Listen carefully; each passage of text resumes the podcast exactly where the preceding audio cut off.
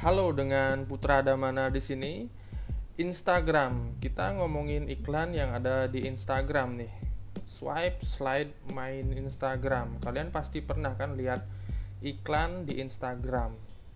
Biasanya algoritma iklan atau cara kerja iklan di Instagram sesuai dengan kebiasaan penggunanya. Misal, pengguna suka follow akun tentang dunia fashion akan muncul iklan merek atau brand-brand baju, merek brand sepatu, dan sebagainya. Pengguna yang suka follow akun tentang traveling itu biasanya akan muncul iklan seperti Traveloka atau tiket.com. Terus pengguna misalnya nih mama muda atau ibu-ibu yang suka follow akun Instagram edukasi newborn, edukasi anak usia dini, akun parenting itu biasanya juga akan muncul iklan tentang peralatan atau perlengkapan bayi, iklan mainan anak-anak, iklan pakaian balita dan sebagainya. Nah, aku nih iseng-iseng aja sih ya. Um, suka ngefollow akun-akun Instagram otomotif ya namanya juga cowok. Beberapa yang aku follow tuh random aja sih. Kayak akun Instagram yang suka nge-review mobil-mobil akun brand mobil Jepang Eropa akun Instagram modifikasi mobil mobil retro. Ya asik aja ya suka aja lihat foto and videonya gitu.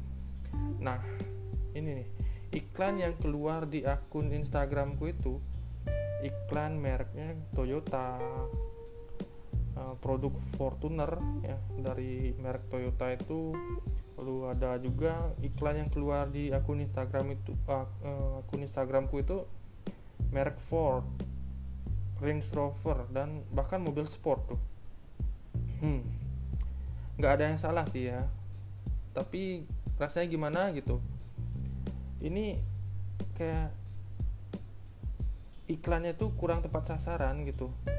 Jadi itu harga mobil-mobilnya itu kan luar biasa.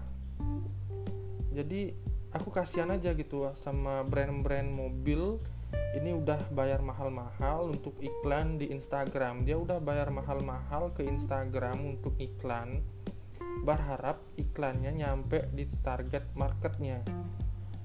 Hmm buat pendengar-pendengar di sini kalau ada yang kerja di Instagram bercanda aja sih. Aku ada saran nih cuma aku ada saran nih buat Instagram. Jadi pengguna yang baru daftar jangan cuma ditanya atau jangan cuma disuruh input email nomor HP tanggal lahir username gitu. Jangan cuma jangan cuma disuruh inputin itu aja. Tapi juga tanyain disuruh input pendapatan per bulannya.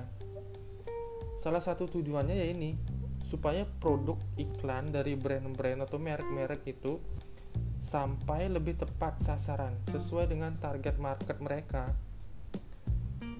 Kalau misalnya di awal disuruh pengguna untuk nginputin pendapatan per bulannya, itu kayak buat rekening di bank aja sih.